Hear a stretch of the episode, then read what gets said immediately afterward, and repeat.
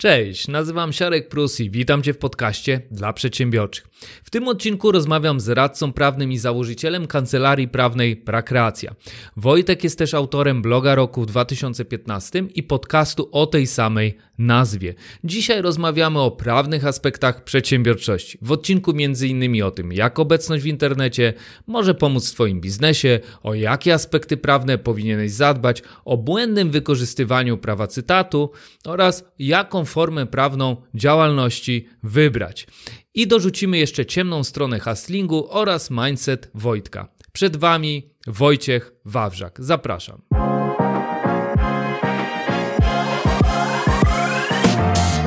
Cześć Wojtek. Dzień dobry, Arku. Cześć. Słuchaj, Wojtku, e, pierwsze pytanie do ciebie. Jaką książkę ostatnio czytałeś i możesz polecić słuchaczom? Jaką ostatnio książkę czytałem, mogę polecić. Czytałem autobiografię Ozzy'ego Osborna, skończyłem ją dosłownie wczoraj. E, czy mogę polecić? Mogę polecić tym, którzy interesują się muzyką, ale myślę, że nie tylko tym. E, osobom, które jak gdyby interesują się w ogóle, co kryje się często pod jakąś tam fasadą sukcesu. Bo jak sobie myślimy o Ozzy Osbourne i Black Sabbath, to widzimy po prostu jakiś zespół, legendę i trochę nie do końca mamy wyobrażenie, co dzieje się na zapleczu, albo sobie wyobrażamy, dopowiadamy różne rzeczy, tworzymy jakieś ikoniczne legendy. Mm, nie jest to może jakaś książka wnosząca wie, wie, wielką e, wiedzę, merytorykę e, dla osób przedsiębiorczych, natomiast myślę, że jest taką silną inspiracją, że żyjąc totalnie po swojemu, i nawet y, no jak gdyby na dużym poziomie ryzyka związanego z używkami, przedawkowywaniem, eksperymentowaniem, piciem, lekami, e, można przeżyć życie w jakiś sposób e, szczęśliwy i satysfakcjonujący. No i dla tych wszystkich, którzy żyją takie historie od zera do bohatera, mm, to myślę jest fajna rzecz, którą warto sprawdzić, tym bardziej, że jest po prostu lekko i zgrabnie napisana i czyta się to mm, bardzo szybko i fajnie można się mm, zrelaksować. Także Ozzy Osbourne, autobiografia, polecam. Czy utkwiła Ci jakaś szczególnie historia przeczytana w tej książce? Czy szczególnie jakaś historia? Nie sądzę, wiesz. Bardziej chodzi o ogląd. Y, większość historii w tej książce jest powtarzalnych. Mhm. To znaczy, skoncentruję się na tym, na takim ekstremizmie i przesadzaniu w wielu, wielu sferach Oziego. No i jak to zwykle bywa, dochodzi do momentu oczyszczenia i takiego przełomu i, i wyjścia na prostą, dzięki czemu jeszcze można dalej funkcjonować. Jest tam dużo takich smaczków, jak gdyby skształtowania się tego heavy rocka, heavy metalu, E, w tamtym czasie. Też jak gdyby można sobie skonfrontować mm, to, że jednak dawniejsze czasy muzyczne miały taki większy romantyzm w sobie niż to dzisiejsze urynkowienie przemysłu muzycznego. I takie przejście od powiedzmy lat 60. do dzisiejszego okresu jest takim fajną, fajną drogą poznawczą. Oczywiście dla tych, których w ogóle świat muzyki interesuje troszkę bardziej niż słuchanie w tle Spotify'a do śniadania. Bo jeżeli ktoś e, kom, kom, konsumuje muzykę tylko jako takie tło, no to być może dla niego to nie będzie nic ciekawego w ogóle. Mhm. Ale zawsze polecam sprawdzić, bo e, też takie przekonania mają często ludzie, że coś ich nie zainteresuje i czegoś nie lubią, ale mogą to przekonać się o tym dopiero, kiedy tego spróbują, mm, a nie wygłaszać sądy przed, jeszcze zanim do czegokolwiek dojdzie. Mm, więc jeżeli ktoś po prostu lubi biografię, to myślę, że warto sobie zrobić przymiarkę i sprawdzić, e, jak taka książka zarezonuje z nami, a dopiero potem wydawać osądy. Słuszne podejście. Zresztą nie czytałem tej biografii, więc też wrzucę na liście do przeczytania, chociaż ta lista już się masakrycznie powiększyła. Wrzucimy do notatek e, ten tytuł, e, mhm. do notatek do tego odcinka. No dobrze. Wojciech, a jakiej rady udzieliłbyś sobie, ale jako dwudziestolatkowi? Mam problem z takimi pytaniami, wiesz, bo wychodzę z założenia, że jak gdyby każdy etap w życiu jest e, inny. I bardzo łatwo sobie z dystansu powiedzieć, o, udzieliłbym sobie w wieku 20 lat rady, e, żeby się tak nie przejmować, albo tak nie cisnąć, e, w sferach wtedy studenckich jeszcze. i żeby stawiać bardziej na życie prywatne. Natomiast takie rady z dystansu uważam są no, takie trochę trywialne, dlatego że Przykładowo, gdybym w wieku 20 lat nie koncentrował się na zdobywaniu wiedzy i rozwoju, to być może dzisiaj bym z tej wiedzy nie korzystał i być może moje życie nie wyglądałoby zawodowo tak fajnie, jak wygląda. Może wyglądałoby lepiej prywatnie, choć też nie narzekam obecnie prywatnie. Więc jak gdyby wolałbym się skupiać na narracji, którą kiedyś, mm, którą kiedyś zastrzeliła mnie moja mm, taka ciocia babcia, powiedzmy, 80-paroletnia, która mm, stwierdziła w rozmowie ze mną, że ona zawsze starała się hołdować dewizie, że jestem w najlepszym momencie życia, w jakim jestem. Zrobiłam to, co zrobiłam i było to najlepsze, co w danej chwili mogłam zrobić i nic bym nie zmieniła, ponieważ e, nigdy nie wiadomo, jak te zmiany przyniosłyby rezultaty, e, gdyby rzeczywiście miały miejsce. Więc e, takiego typu wszystkie pytania, co byś zrobił, inaczej, albo co byś sobie poradził, jak byłbyś młodszy. Mm, wkładam trochę między bajki, bo mam wrażenie, że każdy musi przerobić swoje życie na swoich błędach i, i na danej energii w danym momencie, niż koncentrować się na konsumowaniu jakichś takich rad z ust y, innych. Mm, także nie mam jakichś takich, wiesz, górnolotnych historii pod tytułem, co bym sobie poradził z perspektywy czasu. Staram się raczej myśleć, że na przeszłość nie mam już wpływu. Była jaka była, nauczyła mnie czegoś, coś mi dała. I dzisiaj e, jest to, co jest, i mogę jak gdyby dzisiejszy dzień wykuwać. E, natomiast nie staram się nie wracać do, do przeszłości i analizować, co by było gdyby, mm, bo to takie myślenie bardzo zawodne, myślę, jest. Znaczy, no na pewno trzeba umieć docenić tu, gdzie się jest, tu i teraz i skupić na teraźniejszości, nie na przeszłości. Natomiast powiedziałeś o tym, że jesteś zadowolony z tego miejsca, w którym jesteś zawodowo. E, a gdybyś miał wskazać, może nie jedną rzecz, bo pewnie ciężko jest to zrobić, ale wskazać rzecz, która spowodowała właśnie, że jesteś w tym miejscu, w którym jesteś zawodowo i jesteś z tego zadowolony. Dwie rzeczy to są tak naprawdę. Pierwsza, pracowitość a druga trochę szczęścia. I bez tych dwóch rzeczy nie da się, nie da się e, jak gdyby dojść na jakiś tam własny sukces. Natomiast też na samym szczęściu uważam też się tego nie da zrobić długofalowo, więc na pierwszym miejscu zawsze będę stawiał pracowitość. No, czyli po prostu siedzenie nad tym, mm, w czym chcesz być dobry i poświęcanie temu możliwie dużo energii, możliwie dużo czasu, wyznaczanie sobie jakiegoś reżimu, samodyscyplinowanie się, hmm, czasem zarwanie nocy, chociaż ja akurat nie jestem wielkim zwolennikiem zarywania nocy, bo jest i długi dzień, który można wykorzystać, zamiast scrollować Face'a, oglądać Netflixa. Można zrobić dużo pożyteczniejszych rzeczy, jeżeli ktoś rzeczywiście chce z pracą coś osiągnąć. Więc myślę, że najważniejsza rzecz to jest pracowitość.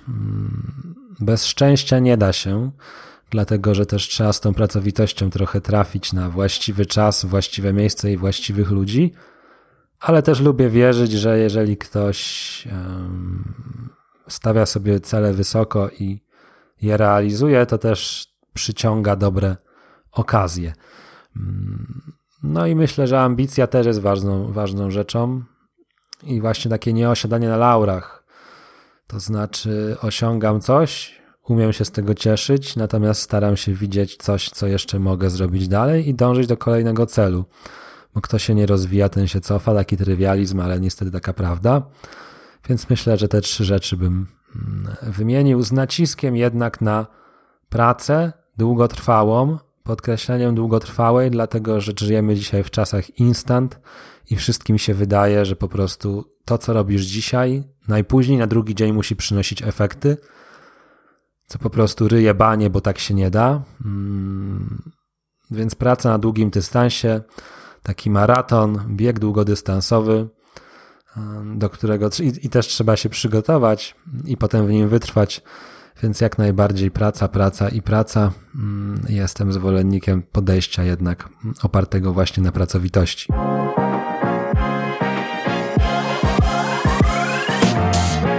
Które z Twoich przekonań innym ludziom mogą wydawać się kontrowersyjne?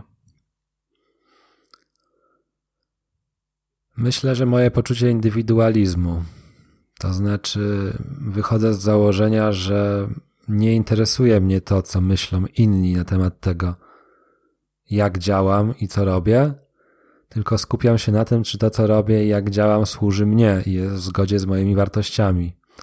I zarówno w życiu zawodowym, jak i prywatnym. I myślę, że to jest dla niektórych ludzi trochę kontrowersyjne, trochę szalone. Niektórzy uważają to za wręcz egoistyczne, że to jest taka postawa, skupią się na sobie, a nie na innych. Natomiast to nie o to w tym chodzi.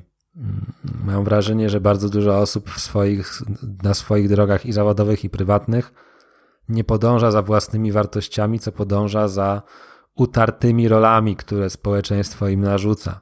Kancelaria musi wyglądać tak, sklep internetowy musi wyglądać tak, relacja z drugą osobą musi wyglądać tak, bo tak od lat było. No i co, że tak od lat było? Jeżeli ty czujesz, że chcesz dla siebie czegoś innego, no to miej odwagę się wyłamać z tego tłumu, pokazać im środkowy palec i powiedzieć im odwalcie się ode mnie, skupiajcie się na sobie i, i róbcie swoje. No i tak myślę, że to dla wielu osób jest e, trudne do zaakceptowania we mnie, ale myślę, że głównie dlatego, że przypomina im z tyłu głowy, że sami swoje wartości odpuszczają na rzecz tego, co o nich pomyśli ktoś inny, co wypada, czego nie wypada, jak się powinno. Jak słyszę słowo powinieneś, albo tak powinno coś wyglądać, to mi się od razu uruchamia lampka ostrzegawcza, mm, bo, bo, bo nic nie powinno, tylko to, to, to, to, co wydaje ci się słuszne i fajne i z tobą rezonujące, miej odwagę po swojemu wdrażać. Mhm.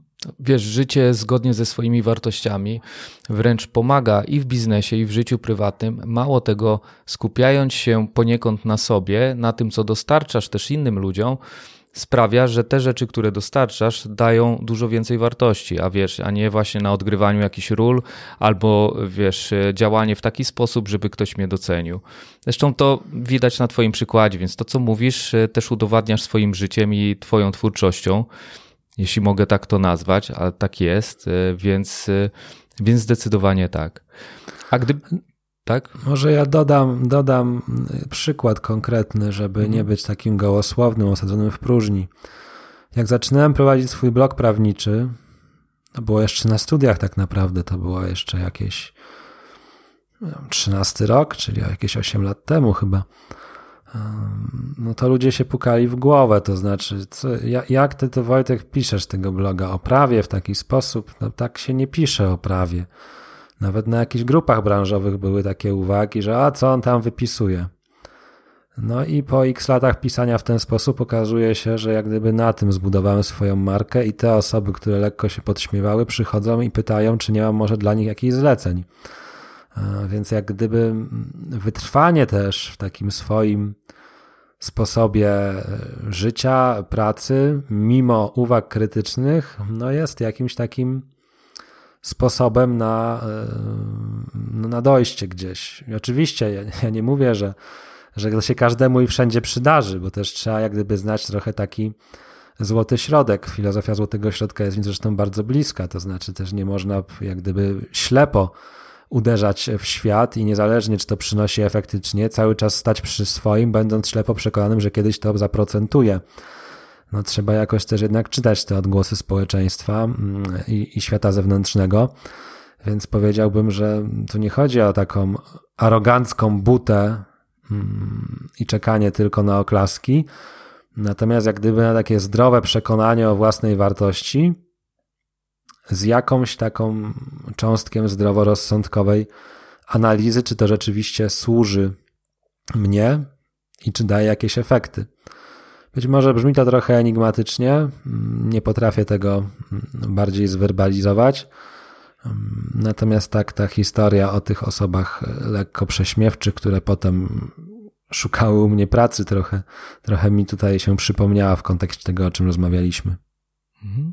Skoro mówisz właśnie o takiej sytuacji, która na początku właśnie zderzyłeś się z jakimś może, może naz można nazwać to hejtem, ale takimi prześmiewczymi tematami, to mam pytanie do ciebie. Jak porażka, którą kiedyś gdzieś ci się przydarzyła, wpłynęła na twój właśnie późniejszy sukces?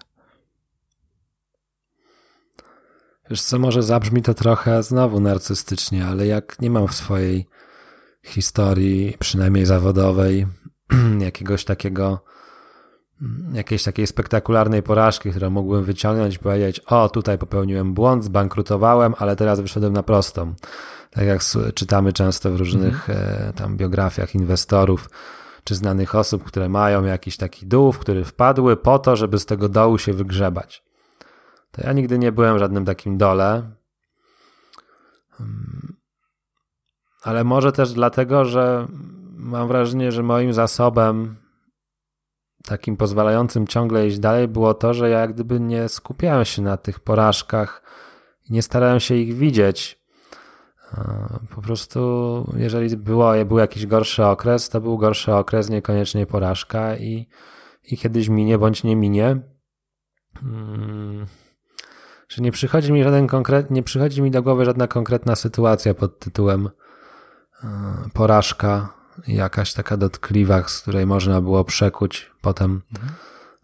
sukces. Natomiast z takich drobniejszych rzeczy, no niekoniecznie nazywanych porażką, mhm. to na pewno było dużo wyzwań związanych z tworzeniem treści. Mm, każdy, kto zaczyna tworzyć treści w internecie pod kątem rozwiązywania czyichś problemów, Myślę, że na początku ma ten e, problem, że tak naprawdę rozwiązuje swoje problemy, a nie ludzi. I zajęło mi sporo czasu, jak gdyby wypracowanie tego, że jeżeli piszę artykuł, który ma komuś pomóc, to piszę ten artykuł na temat problemu tego kogoś, a nie na temat swojego problemu. Tak samo dobór tematyki artykułów, które poruszałem. Potrafiłem sobie na przykład napisać artykuł o wezwaniu do zapłaty, który jest e, bardzo popularny do dzisiaj, Natomiast ja nigdy nie chciałem zajmować się sprawami odzyskiwania pieniędzy, sprawami windykacyjnymi. Więc sobie taki artykuł napisałem, jest mega popularny, ale co z tego, skoro w ogóle nie wspiera zdobywania klientów w tym zakresie, ponieważ no nie jest to mój target. Więc może nie są to porażki, ale jakieś takie doświadczenia w budowaniu własnej marki w internecie, w tworzeniu treści pod ludzi. A jaką no. lekcję z tego wyciągnąłeś?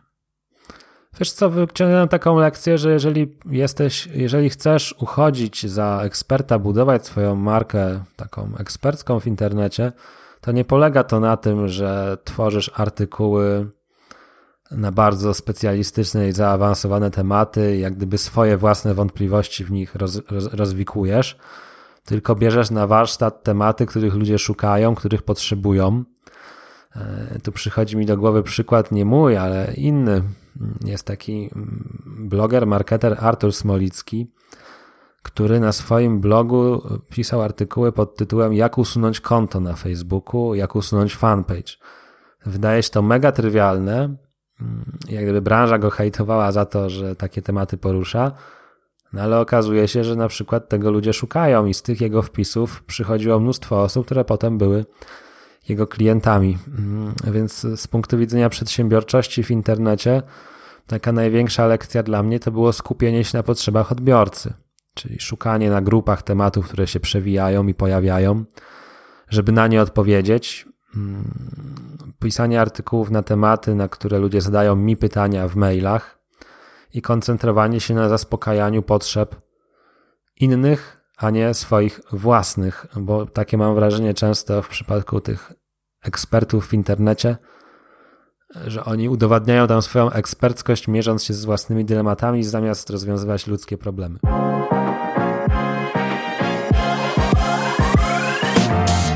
Gdybyś miał wskazać e, jedną z najlepszych inwestycji w Twoim życiu, niekoniecznie materialnych, to co to byłaby za inwestycja?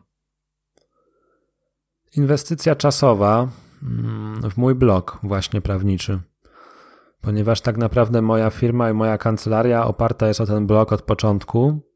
I wiadomo, że teraz funkcjonuje również na kanwie sieci poleceń i kontaktów. Natomiast wszystko zaczęło się od bloga.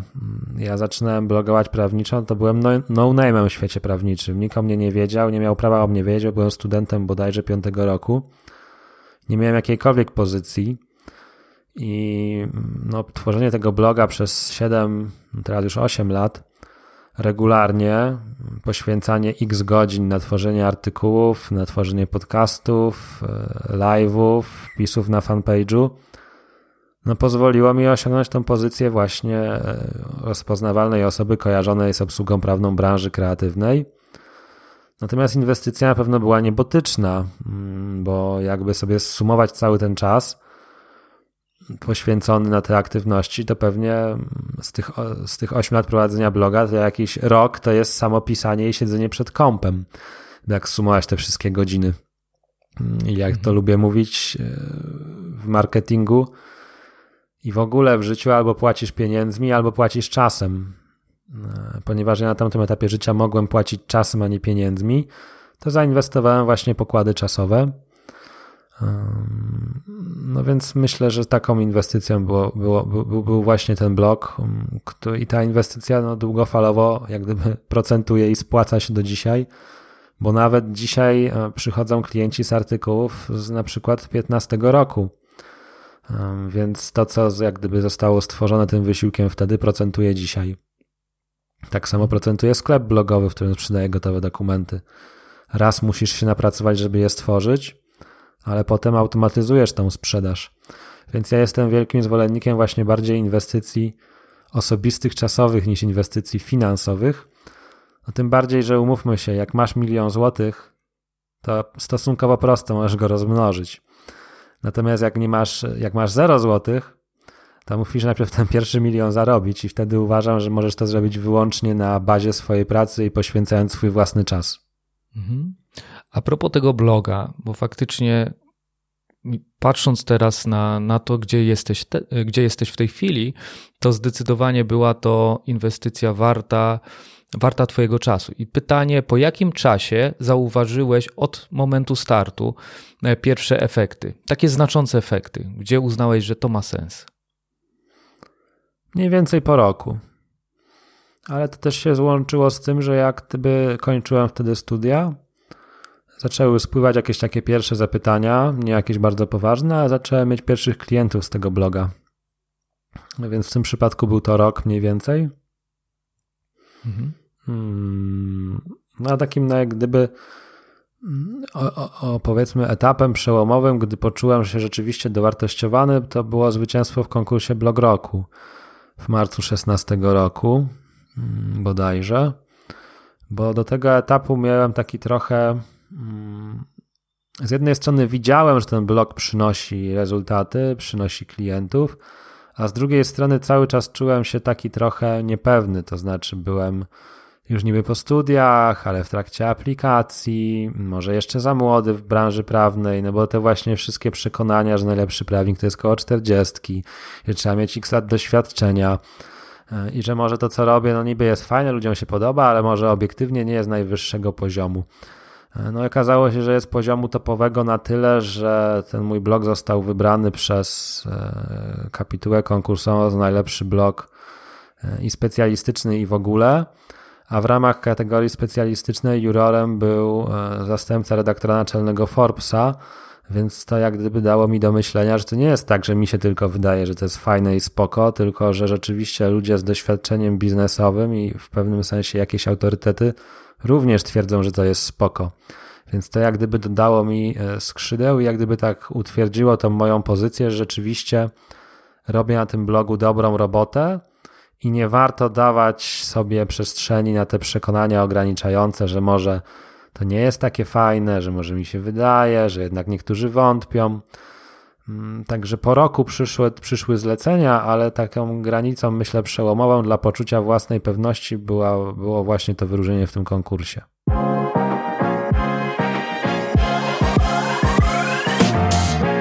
Dobrze, Wojtek, słuchaj, przejdźmy teraz do Twojej ekspertyzy. E, I chciałem zapytać po pierwsze, jakie, o jakie aspekty prawne powinien zadbać freelancer działający w internecie? Zdefiniuj pojęcie freelancera. Rozumiem, że masz na myśli osobę nieprowadzącą działalności gospodarczej, tak? Załóżmy, że prowadzi działalność gospodarczą. Mhm. Jest początkująca w internecie. No też trochę zależy, co ona w tym internecie robi tak naprawdę, bo ona może sprzedawać przez internet, Mhm. A może tylko jak gdyby wykorzystywać internet do mm, reklamowania swojej działalności, promowania, Natomiast jak gdyby same transakcje nie odbywają się onlineowo, co odbywają się tradycyjnie. No i w przypadku, jeżeli mamy tego przedsiębiorcę internetowego, nazwijmy z krwi i kości, który również przez ten internet sprzedaje, czyli na przykład mhm. ma jakiś tam swój sklep, mm, czy chociażby nie sklep, ale jakąś stronę na lądowanie, na którym sprzedaje e-booki, no to dla niego najważniejsze będzie jak gdyby zatroszczenie się o kwestie prawne związane z regulaminem, z polityką prywatności, z RODO i danymi osobowymi, ze wszystkim tym, co mm, ci jego użytkownicy klienci klikają w tym jego sklepie i widzą. No bo muszą zaakceptować ten regulamin, muszą przeczytać tą politykę prywatności, muszą mieć odpowiednie klauzule widoczne. I to często przy rozpoczynających biznes w internecie jest robione źle. To znaczy, ludziom się wydaje, że to można własnymi słowami napisać albo ściągnąć od konkurencji, i nagle się okazuje, że te dokumenty są pełne mm, tak zwanych klauzul niedozwolonych, E, albo w ogóle nie, nie, nie sprzyjają prowadzeniu tego biznesu, bo nie zabezpieczają tego przedsiębiorcy. Natomiast e, te osoby, które nie działają w pełni online, tylko wykorzystują ten swój mm, biznes, znaczy wykorzystują internet jak gdyby do promowania swojego biznesu i zdobywania kontaktów, tak zwanych leadów, to z kolei mają najwięcej wyzwań związanych właśnie z pewnymi aspektami marketingu. Czyli czy mogą wysłać wiadomość z zapytaniem o ofertę na jakieś adresy, które znalazły w sieci, czy mogą prowadzić swój newsletter i na jakich zasadach, czy muszą odbierać zgodę, czy nie muszą odbierać zgody. Także w tych aspektach marketingowo-prawnych jest sporo wyzwań. Natomiast jeżeli chodzi o takie zagrożenie związane ze wszystkimi grupami, które działają w internecie, już niezależnie od tego, czy sprzedają, czy nie sprzedają onlineowo, to niewątpliwie są prawa autorskie. I tu jak gdyby każdy ma coś na sumieniu bo każdy w działalności internetowej korzysta z jakichś treści nie swoich.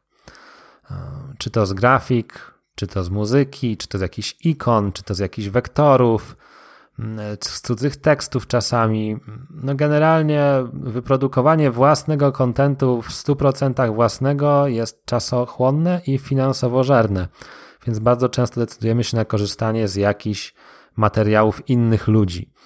No i tutaj największym zagrożeniem jest to, że my wykorzystujemy te materiały bezprawnie w takim znaczeniu, że albo nie mamy licencji, albo przekraczamy zakres licencji, albo myślimy, że cytujemy, a tak naprawdę nie ma to nic wspólnego z cytatem.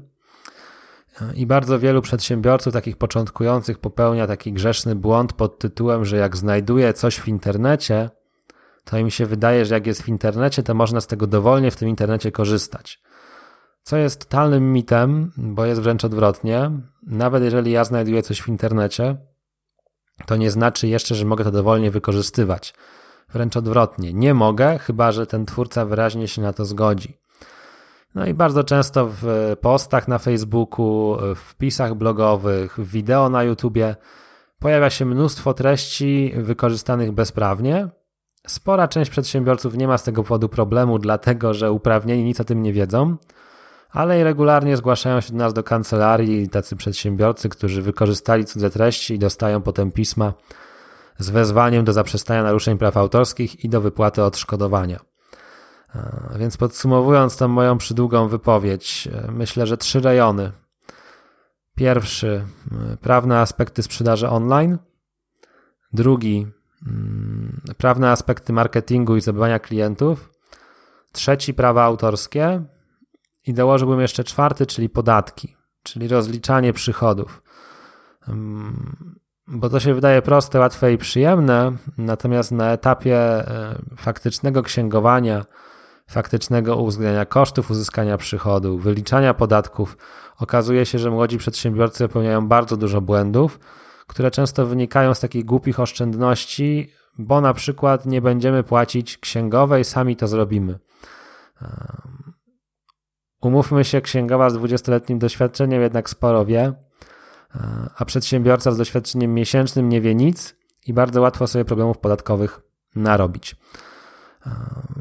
I piąty rejon, którym tego dołożył, to są dane osobowe i to tak zwane RODO. Hmm, jest nie tak zwane, tylko po prostu RODO. Mhm. Czyli to, że my jak gdyby nie podchodzimy z szacunkiem do tego, że przetwarzamy czyjeś dane, a każdy przedsiębiorca przetwarza czyjeś dane, bo jak wykonujesz usługę dla klienta, to żeby ją wykonać, musisz mieć jego dane. Jeżeli zatrudniasz kogoś, to musisz mieć jego dane. Jeżeli masz newsletter, masz jego dane. Nawet na głupim fanpage'u masz dane osobowe ludzi. I przedsiębiorcy młodzi często wychodzą z założenia, a nie będziemy się tym przejmować, nikt się tym nie przejmuje, nie będzie problemu. I owszem, problemu może nie być, ale coraz częściej problem wynika z tego, że RODO sprawiło tyle, że konsumenci mają dużo większą świadomość tych regulacji i wykorzystują je, żeby uprzykrzyć życie. No i taki młody przedsiębiorca spotyka się na przykład z takim mailem, gdzie pisze do niego klient, drogi, mój przedsiębiorco, proszę o informację, w jaki sposób przetwarzasz moje dane, a potem natychmiast proszę je usuń. I trzeba wiedzieć, jak na to zareagować, trzeba mieć pod to procedury, mm, trzeba dane właściwie chronić i właściwie nimi zarządzać, ale to jest temat rzeka, więc jak gdyby po prostu dokładam do tego piątego punktu. Właśnie te mm, dane osobowe i myślę, że tymi pięcioma punktami każdy z mm, młodych przedsiębiorców i nawet niekoniecznie młodych, po prostu przedsiębiorców internetowych powinien się zaznajomić. A dobra wiadomość jest taka, że tak naprawdę na moim blogu w każdym z tych tematów można znaleźć mnóstwo materiałów rozwijających e, poszczególne wątki. Często staram się prowadzić właśnie takie live'y tematyczne, e, jak na przykład prawo w marketingu internetowym, prawa autorskie w działalności internetowej, podatki w pracy freelancera i wtedy w ciągu godziny przekazuję jakie kompendium wiedzy. Więc myślę, że w tej naszej dzisiejszej rozmowie zaznaczamy te pięć tematów w charakterze inspiracji, a ten, kto będzie miał ochotę, E, ten pogrzebie więcej u mnie czy u kogokolwiek innego i zwróci uwagę na te rejony. Polecam Twoje artykuły, bo sam z nich korzystałem i też dużo dla siebie wyciągnąłem. Natomiast odnośnie RODO nie ryzykowałem, kupiłem pakiet u Ciebie e, i mam e, spokój. Po pierwsze, jestem bogatszy o wiedzę, a po drugie, wiem, że te formularze są dostosowane do mojej specyfiki, a nie tak jak powiedziałeś, kopiowane też z innych stron. Ja trochę odniosę się jeszcze do prawa autorskiego, bo to jest y, też kontrowersyjny temat. E, mianowicie myślę, że chyba taką najbezpieczniejszą formą jest korzystanie e, z płatnych rozwiązań, czyli na przykład banki zdjęć, banki filmów e, i to chyba jest najbezpieczniejsza forma. Oczywiście też trzeba patrzeć na licencję. To jest, y, to, to jest ważne. Natomiast daje się zauważyć e, na, YouTube, na YouTubie przede wszystkim, że są wykorzystywane filmy na pewno nie z płatnych e, banków zdjęć, tylko jakieś urywki, czasami z filmów e, i dużo osób powołuje się na prawo cytatu. Natomiast jak to faktycznie jest? Czy ja, żeby urozmaicić, ja wiem, że jest u ciebie artykuł na ten temat, więc tutaj nie chodzi teraz o dogłębne poruszenie tematu, ale żeby też rozwiać pewien mit. Czy jeśli będę chciał uatrakcyjnić treść, na przykład swojego wideo, to mogę, powołując się na prawo cytatu, e, wrzucić sobie urywek na przykład z jakiegoś znanego filmu?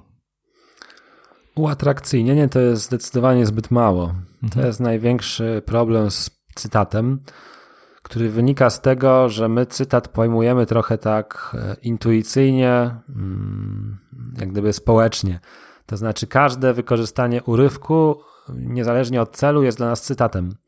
Tymczasem prawo autorskie przewiduje konkretne przesłanki, które muszą być spełnione, żeby taki cytat mógł zaistnieć, i kładzie nacisk na cel wykorzystania tego fragmentu cudzego.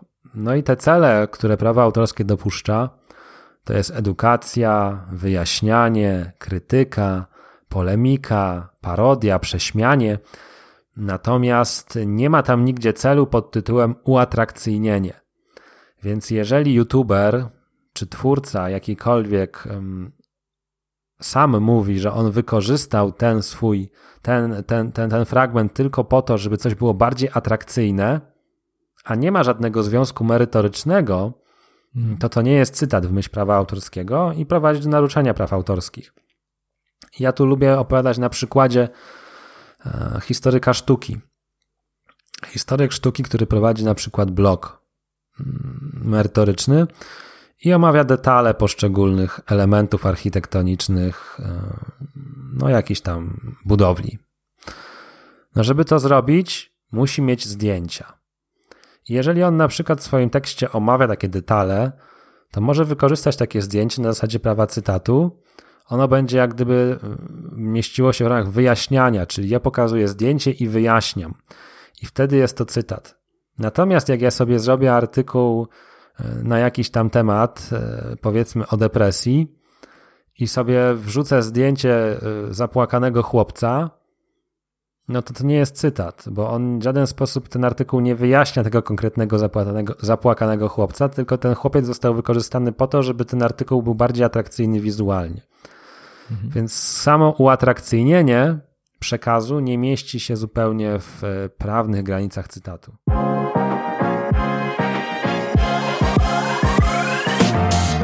Poruszę teraz e, tak naprawdę temat rzekę. Chodzi o formę prowadzenia działalności. Mówię o freelancerze, twórcy, a żeby łatwiej złapać było ci kontekst, e, to powiedzmy, że jest to osoba, która ma jakieś swoje kursy online, sprzedaje z zakresu własnej ekspertyzy. E, zadbała oczywiście o wszystkie te aspekty prawne, o których mówiłeś, o tych pięciu elementach, nawet więcej. E, no i teraz pytanie, czy dla niej lepszą formą działalności będzie spółka ZO, czy działalność gospodarcza? Wiesz, no nie ma tutaj jednoznacznej odpowiedzi na pewno Wiem. sobie zdajesz z tego sprawę. Natomiast e, ja bym powiedział mm, przekornie, mm, że w większości przypadków lepsza będzie jednoosobowa działalność, a nie spółka, szczególnie dla tych, którzy zaczynają swoją przygodę z biznesem. Dlatego, że mimo tego, że utarło się w Polsce takie myślenie, że działalność ta rejestrowana w CIDG to jest dla frajerów i do niej się dopłaca i to jest niekorzystne finansowo, to jednak jest ona obecnie bardzo prostą formą i rejestracji, i prowadzenia działalności. Nie ma żadnych wniosków do KRS-u, nie ma żadnych umów spółki, nie ma żadnych statutów, nie ma żadnych zarządów, powoływania zarządu, walnych zgromadzeń wspólników, nie ma całej tej otoczki proceduralnej związanej ze spółką. Jest po prostu jednoosobowa działalność i ten przedsiębiorca rejestruje się w tym CIDG i prowadzi działalność. Co więcej, e, przez pierwsze 6 miesięcy w tej chwili mamy tam ulgę na start, w ramach której płacimy wyłącznie składkę zdrowotną. Obecnie to jest chyba około 320 zł, ale już też nie pamiętam dokładnie. A potem przez dwa lata mamy prawo do tego małego ZUS-u. Więc tak naprawdę pierwsze 2,5 roku mm, to są naprawdę preferencyjne warunki. I umówmy się, jeżeli ktoś po dwóch i pół roku rozwijania biznesu mm, no nie jest w stanie jak gdyby pogodzić się z kosztami ZUS-u, to znaczy, że nie powinien prowadzić działalności gospodarczej. Taka jest moim zdaniem brutalna prawda. Więc najpierw myślę fajnie sobie stestować ten, ten, ten, ten swój gen przedsiębiorczości i pomysł na siebie małymi kroczkami, niż od razu wikłać się w spółkę. Oczywiście znajdą się przypadki, kiedy ta spółka będzie bardziej zasadna, mamy większe przedsięwzięcie biznesowe o jakimś większym ryzyku, będziemy chcieli od razu ograniczyć swoją odpowiedzialność osobistą, majątkową, czy też będziemy na przykład szukać inwestora i on nie zainwestuje w jednoosobową działalność, bo on potrzebuje mieć spółkę do tego.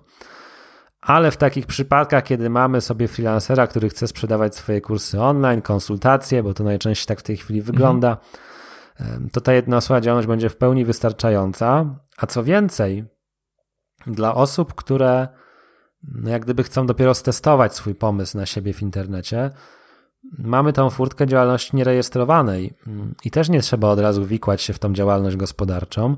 Można spróbować w ramach tej działalności nierejestrowanej, która jest takim idealnym rozwiązaniem właśnie pod taką sytuację, w której ja chcę coś sprzedawać online, czy to kursy online, czy to e-booki, czy to jakieś webinary, czy nawet jakieś konsultacje ale nie jestem pewny, jakim zainteresowaniem będziesz to cieszyć.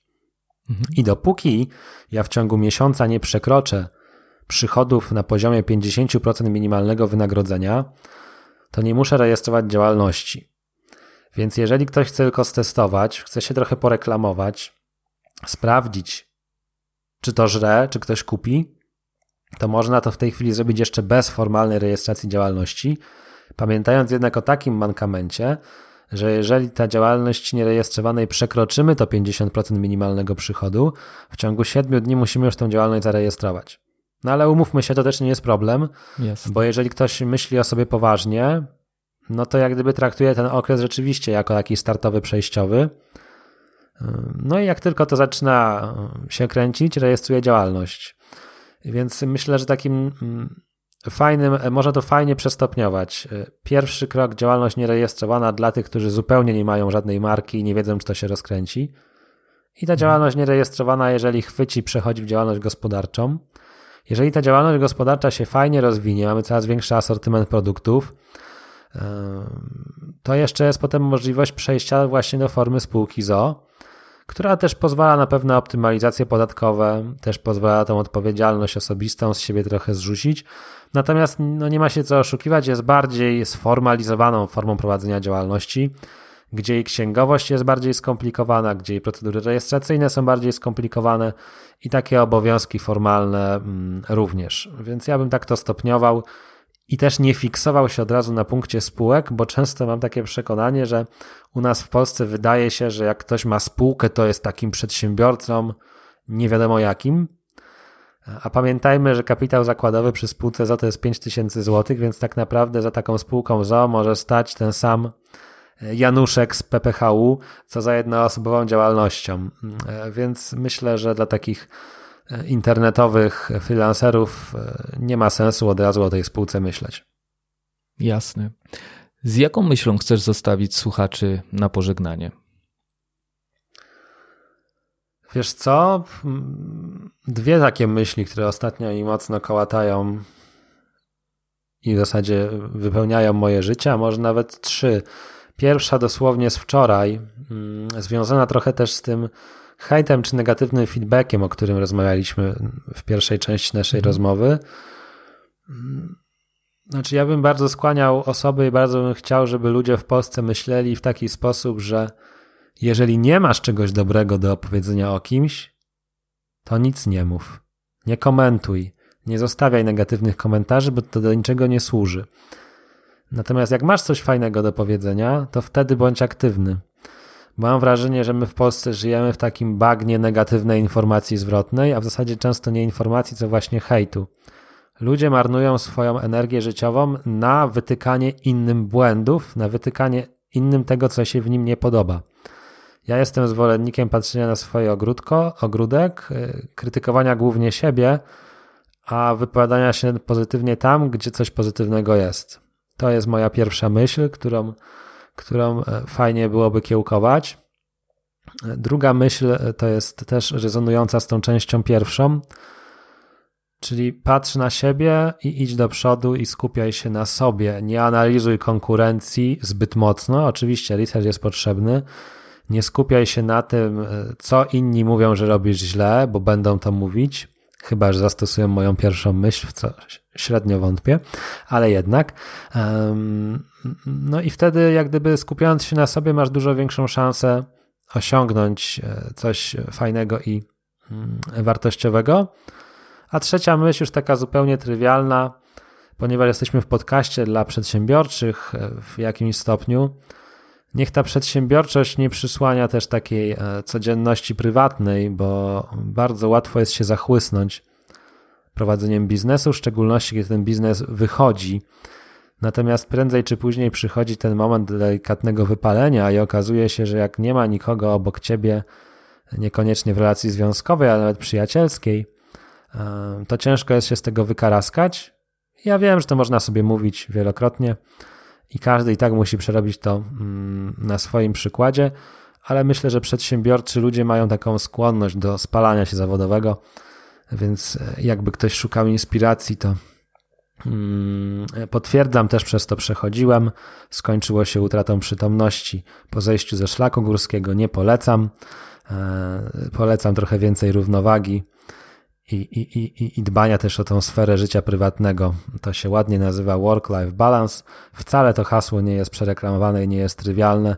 Mam wrażenie, że z każdym mm, rokiem jest coraz trudniej, bo tempo życia zawodowego rośnie nam zawrotnie i trochę skupiamy się na ciągłym rozwijaniu swoich kompetencji, portfeli, aktywów i w pewnym momencie tracimy z oczu tą sferę życia prywatnego, która w nieskończoność czekać nie będzie. Wojtek, to ja na sam koniec bardzo Ci dziękuję za mega dawkę inspiracji, za przyjęcie zaproszenia. Bardzo miło było Cię gościć w tym podcaście. No i jestem pewien, że mnóstwo inspiracji dla siebie wyciągną słuchacze. E, wielkie dzięki jeszcze raz. No i do zobaczenia, do usłyszenia. No ja również dziękuję. Wszystkiego dobrego. Do usłyszenia.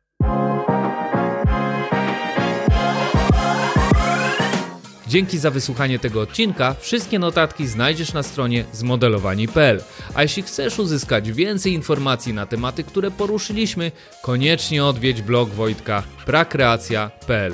Wszystkiego dobrego dla Ciebie. Słuchaj, zmodeluj i zarabiaj.